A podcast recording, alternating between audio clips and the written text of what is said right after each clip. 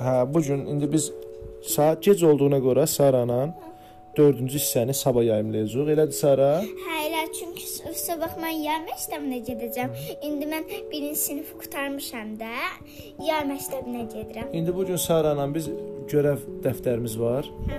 Nələrləmişik onları yazacağıq.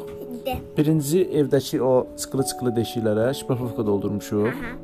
Sonra Ağ.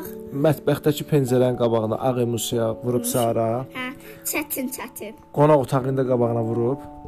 Ona da bir quş qoymuşuq. Balkon qalıb başqa vaxtda. O da sabah eləyəcək. Sonra podkastlarımızı yayımlamışıq. Onu da elədi, yəni isə nağıl danışmaq. VSV-də sabah təmizləyəcəyik, Hə. çünki axşam yağış yağırdı.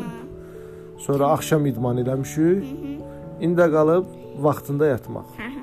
Onu da yatdırıq da. Hmm, Yatırıq. Sağ olun. Bu günlük uşaqlar. çoxlu işlərimiz olur. Hə, bu qədər çoxlu işlərimiz olub. Sağ 5-in 4-cü bölüm olacaq belə. Hə, sabah 4-cü hisso, 4-cü bölüm olacaq. İn- İndi şirin yuxular uşaqlar.